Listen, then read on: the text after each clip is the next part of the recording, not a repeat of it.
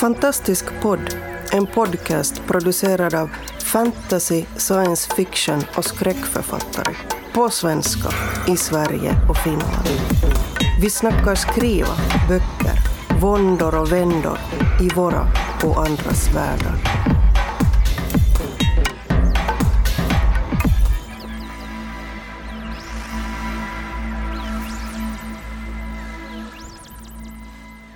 Välkommen till Västkustpodden. Nu ska vi prata fantastik här och vi ska prata om hur vi förbättrat vårt skrivande eller hur vi inbillar oss att vi har gjort det i alla fall. Och vi börjar med en presentationsrunda. Susanna. Liv! Marcus. Fredrik. Ja, och så är jag som är Paul då. Ja, jag tänker inte börja. Liv får börja. Liv börjar. Okej, så vad vi tänkte med det här temat, eh, eller jag, det var min idé faktiskt. Väldigt blygsam här. Eh, det var liksom att kolla på vilka sätt vi har jobbat för att kanske hjälpa oss själva om vi kör fast eller om vi känner så här, jag vill skriva bättre. Hur kan man göra då utöver sånt här som man pratar om ibland att ah, jag läste den här texten och den var så inspirerande liksom. Hur, hur gör man när man mer känner att man vill ha konkret hjälp kanske? Eh, jag har ju då till exempel gått till Designtorget och köpt jag kommer inte ihåg vad den heter. Det är en liten eh, A5-bok som heter typ Författare, skriv din bok. Vad sjutton heter den? Skriv din roman. Ja, Något sånt. Susanna var med, vi köpte varsin. Det Ja. var fantastiskt. Eh, den här boken var liksom en... Eh, jag tänkte, för att jag skrev mest noveller och så ville jag skriva en roman. Och då tänkte jag det här är ju jättebra för att den heter antagligen då Skriv din roman. Och då kände jag det här känns jättelovande. Eh, och så tog jag hem den. Och den börjar väldigt starkt, vilket man ändå ska ge den här boken. För att det är liksom... Eh, kom på så här, eh, typ tre titlar som du tycker verkar coola. Och här är en sida och skriver ner alla dina favorituttryck liksom. Och, och här, skriv ner allt du någonsin har velat skriva om. Och sen ska man typ välja ut favoriter och så ska man typ para ihop eh, grejerna man vill skriva med titlarna man har valt. Och sen så ska man välja en av de här fan, på böckerna man har gjort och sen ska man göra ett scrapbooking-omslag. Det är väldigt liksom ingående och kreativt. Jag kände så här: wow jag är så stimulerad, jag vet liksom precis vad jag vill göra. Bara det att när man har nått liksom halvvägs, man har fått rita omslaget till boken, man har fått liksom komma på alla karaktärer, man så här. Då börjar dels jag känna att nu har jag redan gjort boken. Alltså så här, när, när man väl skulle skriva ett kapitel så kände jag så här: varför det? Den är ju klar, typ. Eh, och sen så börjar boken också sakta övergå i mer och mer vad jag skulle kalla för rumsutfyllnad. Att det kommer en sida med bara Skriv en berättelse om någon som vaknar och så är det bara fem sidor rader. Och sen kommer det typ Skriv eh, en Vakna med ett berättelse. ryck. Ja, eller så här, skriv en berättelse som om du var ett par skor. Och man bara, det här har inget med boken jag vill skriva att göra. Det är bara en writing prompt som ligger för att det ska vara en tjockare bok. Ja, var det inte i den också där man skulle skriva så dåligt man bara kunde? Ja men det var roligt. Det var roligt men det var inte det gav inte så mycket till den här romanen man skulle skriva. Fördelen med den övningen, för nu tänker jag skydda den här övningen för att jag hade väldigt kul med den. Då sa de typ bara skriv eh, så dåligt du kan så här, en scen ur eh, en, en eh, bok eller någonting. Och då, och då gick jag loss på grejer jag hatar när folk gör. Och så skrev jag liksom eh, ett A5 liksom som bara var Ja ah, just det, och sen skulle man kunna göra typ eh, använda jättemycket adjektiv och sen skulle man kunna eh, ha en dialog ur kontext och sen kan man råka förväxla namnen på karaktärerna liksom. Då i slutet av den här övningen så säger de typ lista grejerna som du inte tyckte om med den här texten.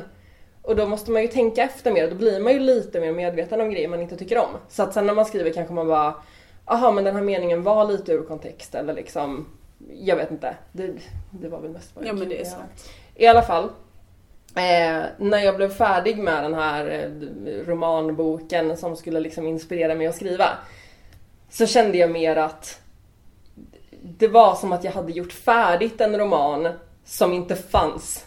Jag har liksom satt mig och försökt skriva kapitel i den här. Men jag tror att det var just omslagsgrejen och att man fick liksom komma på lite viktiga plot twists och så här som gjorde att jag bara typ tappade suget, vilket är konstigt för jag kan planera en hel berättelse i huvudet eller på papper liksom. Men just i och med att man hade den här fina guiden som gick lite från början till slut så kände jag att den bara var klar sen.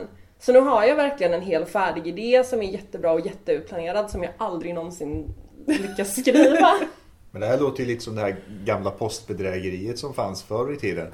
När man skulle liksom, stod i tidningen så här, lär dig spela piano skicka 100 kronor till någon viss adress då. Och sen, ja. och sen skickar man 100 kronor, fick man tillbaka ett brev där det stod tack för pengarna, lär dig nu spela piano. Det är lite så. Jag lärde mig faktiskt nästan ingenting av den här boken. Det jag fick var som sagt coaching med en idé. Som inte gav någon, något, någonting sen. Förutom att jag kom på att man kan göra scrap, eller vad heter det? Collage, så här, klippa ur bilder och sånt för inspirerande. Det var lite kul. Det kan man ju som seriemördare också. Jag tänkte att vi inte skulle prata om min andra karriär. eh, ja men det var, det var i alla fall eh, min, eh, mitt försök att förbättra mitt skrivande. Har Marcus någon... Eh... Eh, Det finns nog många sätt att förbättra mitt skrivande. Ska jag tänka lite. Ja, jag har väl läst lite skrivhandböcker och sådär. Jag har faktiskt inte gått någon skrivarkurs. Jag funderar på om jag ska göra det bara för att testa. Det känns, det känns lite grann för sent fast jag tror aldrig det är för sent. Men jag har ju redan släppt tre böcker. Så. Men jag tror alltid man kan lära sig något nytt ändå. Mm. Det gäller väl bara att hitta rätt skrivarkurs i så fall, tänker jag. Mm. Och Ja, Men vad har du läst för böcker? Skrivböcker? jag har inte läst så himla många. Klassikern Att skriva då, eller On Ja. Writing av Stephen King har jag läst. Det är där han förresten säger att skrivkurser är jättebra, jag träffar min fru där. Ja men lite så. Jag, Men hjälpte de ditt skrivande Steven? Det är väl lite det som är hans poäng. Förlåt, det var inte meningen att avbryta. nej jag tror och det, det som det har hjälpt mig det handlar väl mer om redigeringen, skrivandet. De här böckerna. För skrivandet det har jag hittat min formel, liksom det som funkar för mig. Eh, jag är nog lite grann som Liv där att jag kan inte planera allt för detaljerat för då tappar jag lite grann intresset. Ja. Jag, jag måste ha någonting att upptäcka medan jag skriver.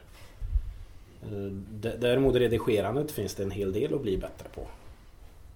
Det Mm. jobbar jag med hela tiden. Jag, jag har tagit fram ett eget formulär för mig själv med saker jag ska komma ihåg och tänka på. Så jag tänkte jag kanske ska lägga upp det på min blogg någon dag och se om det kan hjälpa någon annan. Eller Oh. ha lite punkter så här. Tänk på det här Marcus. För det här, varför, varför gör du så här? Det ska du sluta med. Och överst i formuläret står det kom ihåg att tänka på formuläret. Ja, lite, lite, lite grann sådär. Och det, det jobbar jag faktiskt med nu för jag håller ju på och jag har bytt förlag. Så vi ska släppa mina böcker igen. Oj, Och då härligt. redigerar jag igenom dem. Och eftersom de, jag debuterade 2014 och nu står det 18 i kalendern så på fyra år har jag ju förhoppningsvis hunnit lära mig en del. Så det, jag kommer inte skriva om böckerna men en, en facelift ska de få. Mm. Så jag sitter nu och läser igenom dem med rödpennan och konstaterar att ja, men varför ska jag så här? Eller fan det här var ju bra. Det är det skönaste. när man hittar vilket den här. av dem som överväger det talar jag inte om. Det är svårt att veta. Ja, om jag hamnar i ordning nu då bara i kraft av att jag sitter bredvid Marcus så, Så är det. så är det. Då kan vi bara konstatera att där är jag ju precis raka motsatsen då mot, mot Liv och Marcus. Nämligen att jag har upptäckt, eller tycker mig upptäcka att mitt skrivande är bättre ju mer jag planerar. Eh, just för att eh, det är skitspännande och kul att så att säga komma på saker i, i den så att säga, stund som de händer. Men då brukar mina historier helt enkelt spåra ur och inte gå att få ihop till slut.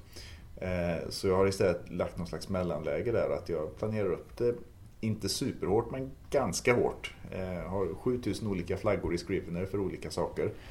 Eh, och sen så skriver jag det liksom kronologiskt därefter men sen hur kapitlen sen utvecklar sig och vad man faktiskt använder för att ta sig från A till B.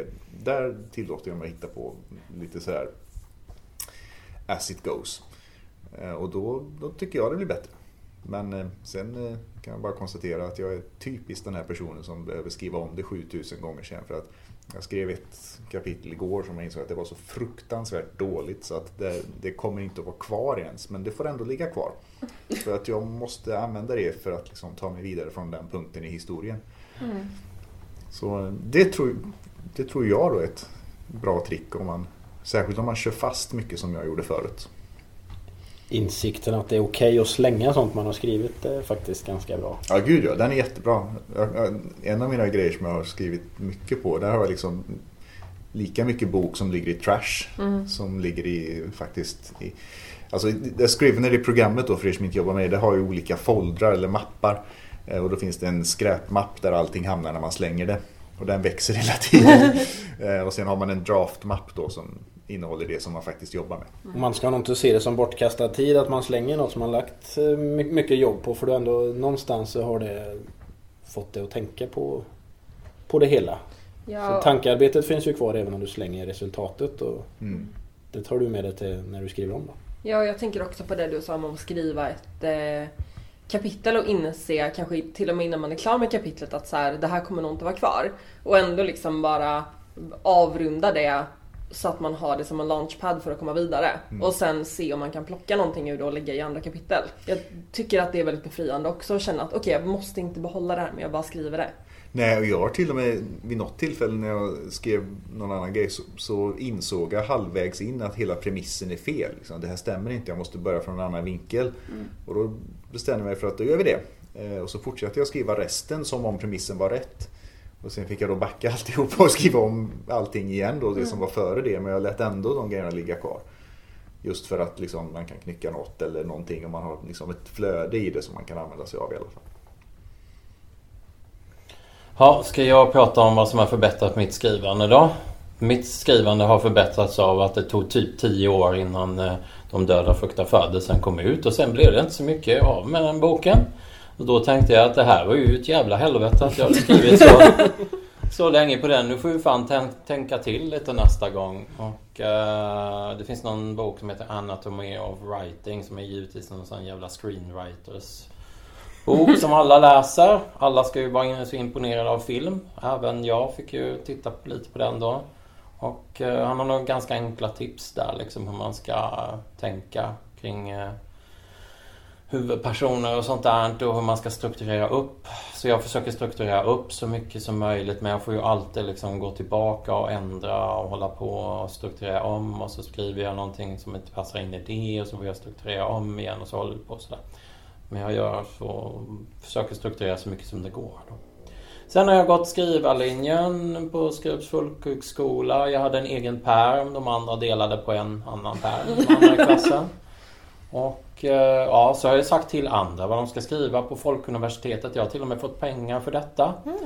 Och eh, varje gång som jag skulle ha ut mina skrivövningar så var jag övertygad om att de skulle knycka ihop papperna och kasta dem på mig. Men det var ingen som gjorde det av någon jävla anledning. Blir du besviken Så- eller glad? Ja, jag är ganska besviken. Jag är inte så masochistiskt lagd på det viset i alla fall. Så eh, ja. Men jag tycker det är bra med en struktur sådär. Men eh, man får ändå bryta den strukturen hela tiden. Så, så är det. Mm. Ja, Mm. Vad säger du? Jag? Eh, jag säger att jag har gått eh, två skrivkurser.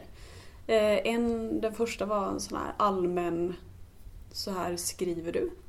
Och då hade jag skrivit två böcker redan. Och jag bara, ja de är ju inte utgivna. Så jag kan nog lära mig något. Um, och sen gick jag en eh, skriva krim eh, kurs för Peter Gissy. Och det var, det var nog den bästa. Vi fick åka till uh, polishuset och prata med tekniker och gå runt där och titta på grejer. Uh, och det har jag ju använt mig av. Den erfarenheten. Sen, men jag köper mycket sådana här att skriva böcker.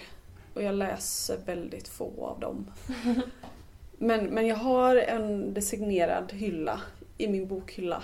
Där det är så här hur man skriver en bestseller. Eh, alla nummer av skriva. Eh, och, ja, har det hjälpt? Kanske. Har det märkts? Inte än. Jag köpte en, eh, en ny dator för ett tag sedan som skulle vara lättare så att jag kunde bära med mig den mer. Eh, och det har jag gjort. Har jag skrivit på den? Nej, inte jättemycket. Men jag tänker att det kommer. Jag, jag väntar bara på liksom rätt ögonblick.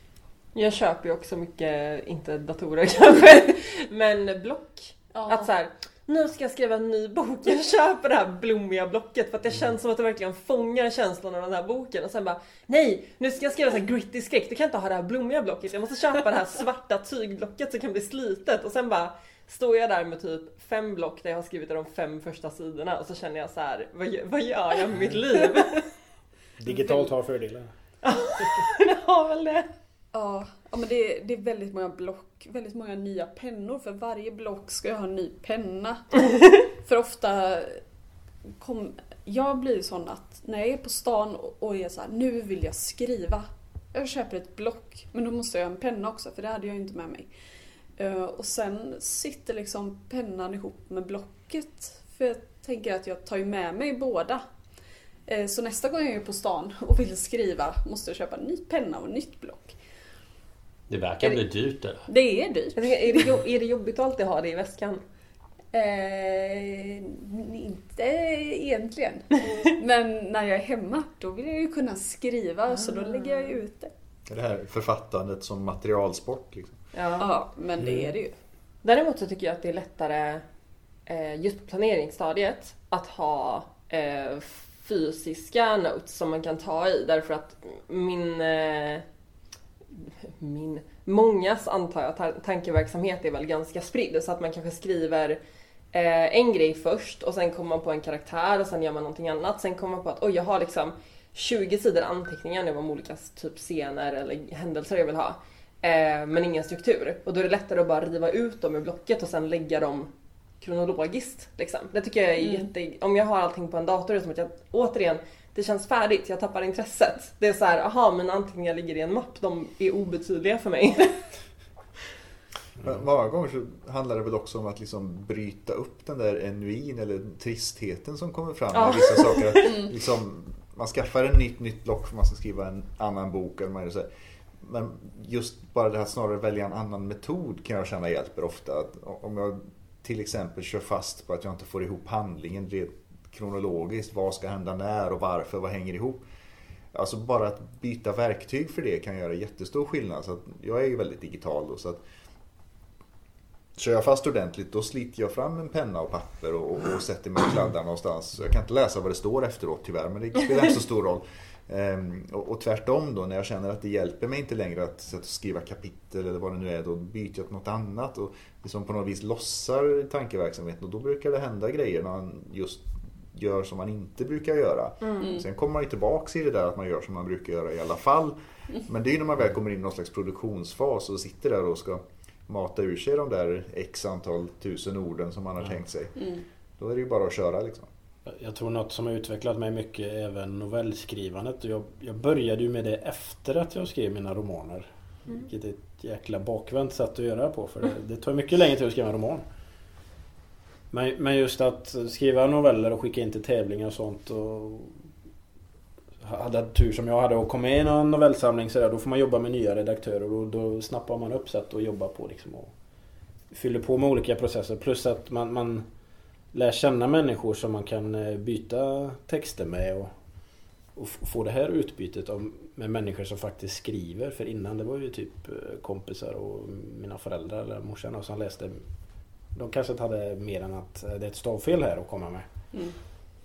Och just att ha det här textutbytet eh, tycker jag är väldigt bra. Att kunna analysera varandras texter och även analysera andras texter kan man lära sig ganska mycket på.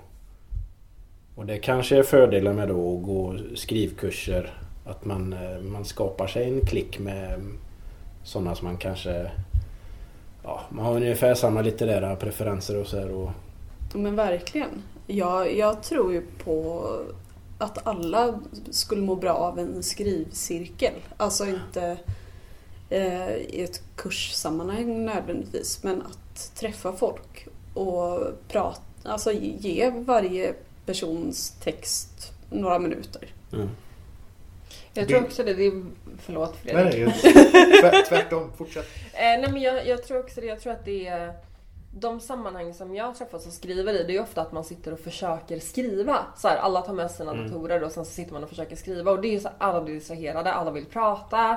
Eh, att så här, det hade varit nice om man istället för att göra det kanske, ehm, nu har jag försökt införa det i ett kompisgäng, att man eh, kanske skriver färdigt. Eh, inte skriver färdigt, men, men man skriver hemma. Och så kanske man ses varannan vecka och så pratar man mer om hur har det gått den här veckan?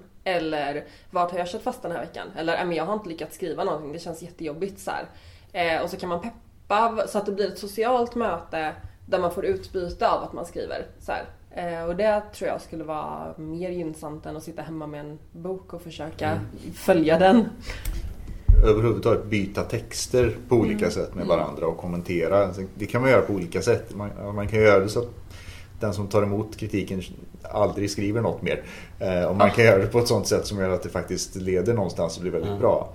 Det enda som garanterat inte funkar är det här mammas bussiga kommentarer. För Man har alltid skrivit nästa Nobelpris där. Eh, Ja. och och hon är jättegod och snäll och så men, men det är lite olika saker man, man behöver veta. Ja. Ja, du lär dig ju egentligen två saker. Dels att ta kritik och inse att texten det är en textmassa liksom. Det är inte jag som får kritik nödvändigtvis. Nej. Förhoppningsvis. Utan det är texten liksom. Vi jobbar för att göra den bättre. Och när man kritiserar någon annans text då, då har man ju inte investerat något i den mer än att läsa den då. Men, Och då, då ser man den kanske på ett annat sätt och mer än eller kanske får aha-upplevelse själv då. Vad, när du ska lyfta fram liksom, vad tycker jag är bra och vad tycker jag inte är bra. För någon annan som har skrivit någonting. Då kan man få en aha-upplevelse själv. Det, det vet jag själv när jag oförberett tvingades vara, hålla i träningen en gång när jag höll på med kampsport. Då fick jag börja fundera liksom, jaha, hur gör man? Precis, man börjar Och det var en helt annan upplevelse än att stå där bara och ta emot instruktioner liksom. Ja, ja absolut. Jo, men jag har faktiskt haft en skrivarcirkel också. Det var en, det var en kompis till mig som... eh, Det var en bibliotekarie då. Den, den ene sa att hon hade en kompis som... Som eh, gärna ville ha... Hon hade sagt någonting. Hon ville ha så här en mer gotisk mörkskrivarcirkel sådär. Och då tänkte jag, då, då var det att... Ja, men då hörde jag av mig liksom. Ja, men vill du driva det? Då var det bara någonting att hon hade liksom slängt ur sig det för att det kunde vara kul sådär. Men, men då blev det så att hon och jag och någon till liksom startade en cirkel. Så där, det var faktiskt Den här borde vara död, de första kapitlen som, som eh, var i den romanen som sen publicerades. De, de la jag ut i den här cirkeln och fick kritik på sådär liksom. Det var särskilt en, eh, Petter heter han, som, eh, eh, som är rollspelskonstruktör också av det här rollspelet Kult. Som, som gav väldigt bra liksom, strukturella liksom, tips om hur jag Var det en digital cirkel då? Nej, nej, vi träffades. Ja, det var här i Göteborg och så träffades vi så hade vi med oss vin och så mackor och... Ja, men det ska vara trevligt också sådär. Ja, ja. Så. Vad Så det var jävligt bra faktiskt. Ja. Vad skrivcirkelpepp jag blev. Ja, eller hur? Det var vinet, eller hur? Ja. Vin gör allting mycket bättre. Jo, Men det är ju så. Nej. Nej, så, Jag vet så inte. är det alltså inte. Man kan ha kul utan alkohol. Man kan nämligen ta droger istället. Ja, det kan också bli väldigt mycket sämre när man försöker skriva när man har druckit lite grann. Eh, ja. Men, Har ni eh, provat? Ja, en gång faktiskt. Men det, Jag blir så fnissig så att det är liksom, det händer inget. Jag sitter bara och tittar och jag så här, åh jag ska kunna göra det här! Sen tycker jag, nu förstör jag historien och då brukar jag göra någonting annat istället. Det är ganska okej att blanda kaffe och sprit. Men en gång försökte jag med bara sprit och då gick jag bara och la mig. Ja. Det, blev liksom, det blev inget skrivet i Blandar du blicken. Sprit med sprit? eller? Ja, jag blandade sprit med sprit med sprit. Och sen så tänkte jag, "Ja, jag orkar inte, jag går och lägger mig. Ja. Ja, men man, man, jag tror att man måste hitta den här eh, gyllene medelvägen. Man ska ju inte vara full. Man ska vara lite salongis. Det Då är det fortfarande ju- kul. Det finns ju något som heter så här, någontings peak. Som är Eh, nu kommer jag inte ihåg riktigt om det involverar säkert inte alkohol från början. Men jag har en kompis som kodar, alltså programmerar. Och han satt och eh, programmerade och så tog han eh, lite whisky och så tyckte han att det gick eh, bra. Och den här kurvan den här, han- den här kurvan handlar om att man ska kunna bli liksom bättre och bättre och bättre och sen når man liksom det bästa. Och går man över den punkten, då blir allting åt helvete.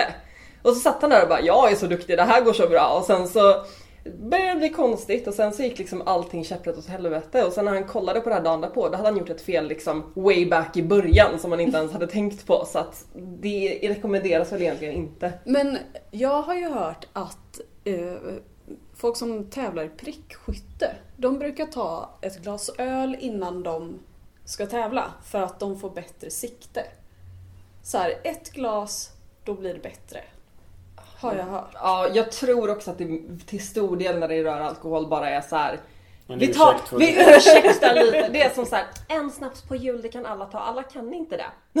Alla ska men de, inte. de kanske inte ska syssla med prickskytte, Nej. tänker jag. Också är prickskyttarna sponsrade av ett bryggeri. Så kan det vara. Så kan det vara. Säkert. Pricks.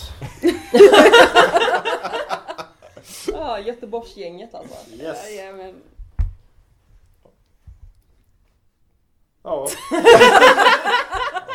kan vi toppa det här? Eller har vi nått kurvans krön? Nu är det kurvan, nu börjar den balla ur här. Så nu, nu tar vi och innan vi upptäcker att det var fel från början och avslutar det här programmet. Du har lyssnat på Fantastisk podd. Om du trivdes i vårt fantastiska poddsällskap och vill ha mer så hittar du äldre poddar och information om oss som deltar på vår hemsida under fantastiskpodd.se och på vår Facebook-sida Fantastisk podd. Har du frågor eller förslag på vad du tycker att vi ska tala om, hör gärna av dig antingen på Facebook eller via kommentarer på hemsidan. Vi hörs! Ja, välkommen till Västkustpodden. Nu ska vi prata eh, fantastik här för fulla jävla muggar. Vad fan skulle vi prata om nu? Hur vi förbättrat vårt skrivande. Att vi att alla är posers. Ja, Ska vi börja om? Åh. Ja. okej, vi börjar om. Du får köra, du får vara helt, Ett, två, precis hur du vill. Jag bara. Mm.